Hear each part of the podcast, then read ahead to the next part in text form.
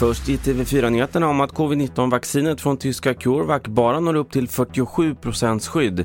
Det innebär att vaccinet inte klarar gränsen för att bli godkänt i EU. Sverige går därmed miste om 3,5 miljoner doser som skulle ha kommit från CureVac och det här kan påverka vaccinationstakten. På grund av sin högre konsumtion så orsakar män betydligt högre klimatutsläpp än kvinnor. Det visar en ny svensk studie. Den hävdar också att vi kan sänka våra klimatavtryck med mer än en tredjedel genom att välja alternativ som redan finns på marknaden. Skillnaden beror till stor del på att män lägger mer pengar på bilar och bränsle. Men vi kan minska utsläppen med mer än en tredjedel genom att ändra konsumtionsvanorna. Det handlar om att äta mer vegetariskt, välja begagnat och reparera istället för att köpa nytt och välja tåget framför bilen och flyget. Reporter Karl Mogren.